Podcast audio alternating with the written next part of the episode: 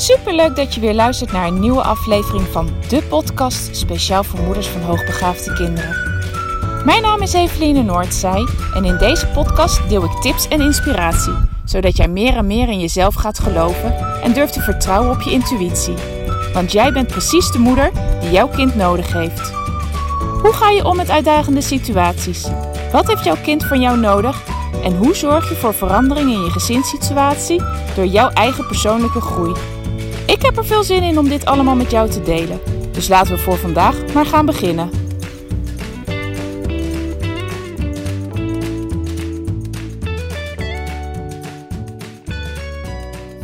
Ha, lieve luisteraar. Goedemorgen. Ik loop in de vroege ochtend buiten na een heerlijke nacht te hebben gehad. Echt zo lekker geslapen. En dat was wel even anders dan de afgelopen week. Want ik heb echt zoveel nachten, zoveel wakker gelegen. Ik was gisteren echt helemaal gesloopt. Ik heb ook echt geprobeerd een eh, dagje rustig aan te doen. Want ik, uh, ik kon niet meer. En dat ik nu zo lekker heb geslapen is omdat ik gisteren een heerlijke massage heb gehad uh, bij, een, bij een vriendin. Meer van meer in Giezen. En het was echt zo heerlijk ontspannend dat ik nou, eindelijk weer eens een nacht goed heb doorgeslapen. Dus heel fijn, want het is toch heel anders of je uitgerust wakker wordt of dat je eigenlijk doodmoe wakker wordt en denkt, nou ja, de dag moet beginnen. Dus zo'n andere vibe. Tenminste, dat geldt voor mij in mijn gezin en mogelijk dat je dat ook wel herkent. Het is zo ja, makkelijker op het moment dat je, ja, dat je gewoon uitgerust bent. Dan kun je gewoon veel meer van de kinderen hebben. En um, ja, maakt het ook niet zo heel veel uit wat, wat ze doen. Je kan het eigenlijk allemaal aan. Tenminste, zo ervaar ik dat in ieder geval. En dat ik nou zo slecht geslapen heb de afgelopen week, dat heeft eigenlijk gewoon met stress te maken. Ik ben uh, behoorlijk gevoelig. En zeker bij stress, als er dat dingen spelen of als ik veel, ja, veel moeten heb, dan, uh, ja, dan kan de stress heel snel omhoog schieten. En ja, dan merk ik dat ik dat overdag allemaal nog best wel kan handelen hè, dat ik dan de ontspanning wel minder kan voelen en kan ervaren en kan opzoeken. Maar ik kan blijven functioneren, maar ik merk het met name in de nachten. Ik lig dan of midden in de nacht een paar uur wakker en val dan in slaap. Maar ja, dan gaat de wekker weer net even te vroeg om nog genoeg slaap te kunnen pakken. En ik heb ook uh, afgelopen week uh, nachten gehad die gewoon stopten om vier uur en ik gewoon niet meer geslapen heb. Dus die stress die kan mega oplopen. En dan, uh, ja, dan uit het zich bij mij de laatste jaren in moeite met slapen. En de eerste paar keren dat ik dit merkte, want ik ben altijd een hele goede slaper geweest. Ik heb er nog nooit zoveel last van gehad als de laatste jaren. Maar de eerste keer uh, dat ik dat merkte was in de tijd dat onze kinderen nog naar school gingen en er heel veel speelden. Ja, de, gedragingen van de kinderen dusdanig heftig waren in huis. De frustratie die er thuis uitkwam omdat ze op school het gewoon niet naar hun zin hadden. Het ging gewoon niet lekker met ze. Er was heel veel anders nodig. Er moesten een heleboel dingen anders voor ze. En dan, uh, ja, als dat niet gebeurde, dan kwam die frustratie er bij, ons thuis uit. En dat, uh, ja, dat leverde gewoon stress op. En niet zozeer stress omdat de kinderen, hè, omdat ik niet zou weten hoe dan het met de kinderen aan te pakken.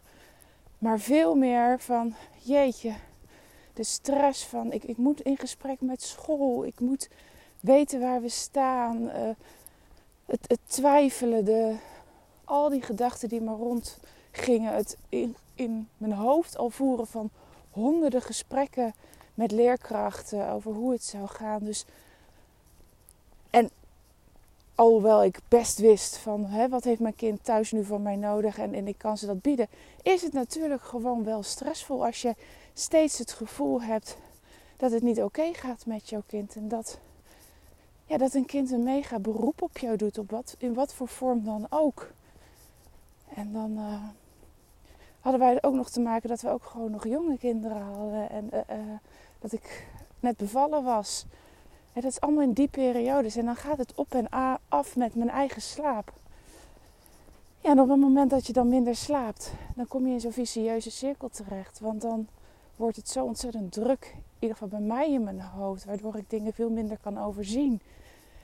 En ehm, ja, alles wat er dan nog moet gebeuren, moet gedaan moet worden. Of uh, de gesprekken die gevoerd moeten gaan worden, worden steeds groter en groter en zwaarder en moeilijker. Nou, waardoor ik dan weer minder slaap. Nou, je herkent het misschien wel. Het is gewoon echt heel, heel frustrerend.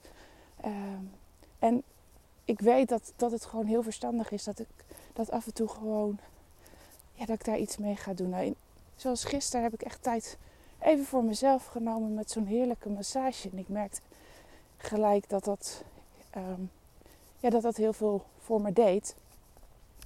Maar dat komt ook omdat wij vijf weken in Kroatië zijn geweest en ik echt tot rust ben gekomen. Dus ik merk ook dat op het moment dat ik nu een paar dagen stress heb, dat het ook veel makkelijker weer kan zakken.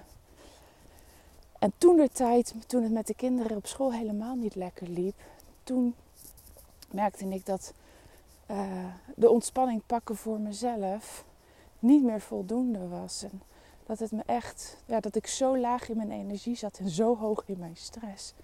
Dat er meer voor nodig was om, uh, om weer tot ontspanning te komen. En nou ja, er zijn een heleboel. Ik weet inmiddels dat er een heleboel mogelijkheden voor mezelf zijn wat ik dan moet doen. Hè. Ik moet minder hooi op mijn vork nemen. Uh, ik moet me meer gaan uitspreken naar anderen. Ik moet me laten weten uh, wat er in mijn leven, wat er speelt. En ik moet dingen gewoon gaan aanpakken. Want als ik zaken laat lopen, laat liggen, dan ja, ze verdwijnen niet, ze blijven. En ik weet inmiddels nu dat ik sneller in actie moet komen, moet gaan handelen, uh, de juiste stappen moet gaan zetten om tot, tot ontspanning te komen. En ja, dat, die stappen kunnen een heleboel zijn. Maar voor ons was bijvoorbeeld een stap toen der tijd, waarbij mijn stress in ieder geval heel erg naar beneden heb gehaald, is om een uh, intelligentieonderzoek te doen. En de uitkomst gaf mij zoveel ontspanning. Ik hoefde niet meer continu te twijfelen en daarmee uh, hele gesprekken in mijn hoofd te voeren waar ik weer stress van kreeg van zal het wel, zal het niet, zal het wel, zal het niet, zal het wel, zal het niet. Het was gewoon duidelijk. Het stond zwart op wit. En ik wist, hier hoef ik me niet meer druk over te maken. Het is zo'n mega opluchting dat, ja, dat ik gewoon het goed had gezien. Uh, daar hoeft niemand meer met mij over in discussie aan te gaan. Want ik kan gewoon hier zeggen: op dit papiertje, kijk hier, lees het nogmaals. Hier staat het zwart op wit en ik hoef niet meer met jou over, daarover in discussie te gaan. Dit is wat het is. En hier kunnen we het bij laten. En nu kunnen we de volgende stap maken. En hoe nu verder? En het gaan handelen, dat is iets wat mij zoveel heeft opgeleverd. Het proactief zijn. Het is een term die ik wel vaker eh, in de podcast gebruik. Maar het proactief zijn heeft mij heel erg geholpen. En dat helpt me nog steeds. Goedemorgen. Om mijn stress te laten verminderen. Dus kom in actie en ga iets doen. Dat is hetzelfde als hoe, uh, hoe belangrijk het is om ook soms letterlijk in actie te komen. Nou, je hoort het misschien wel aan mijn ademhaling tijdens deze podcast. Ik ben weer aan het wandelen. Ik wandel elke ochtend en dat helpt mij ook heel erg om de stress zo laag mogelijk te proberen te houden. En nee, het is in ja, pittige weken niet voldoende. Maar het is wel weer een steentje dat eraan bij kan dragen dat ik meer tot een ontspanning kan blijven.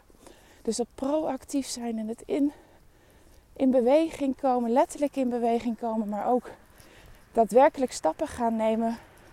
Wat veroorzaakt jouw stress? En wat kan jij gaan doen om die te verminderen. En uh, ja, dat is uh, zoals ik zie heel erg behulpzaam. En ik, ik denk dat dat jou als ouder van een hoogbegaafd kind ook echt gaat helpen. Ben jij iemand die zegt van ja, ik neem een afwachtende houding aan. Ik zie het wel, een ander weet het beter. Die heeft meer kennis, die heeft meer ervaring.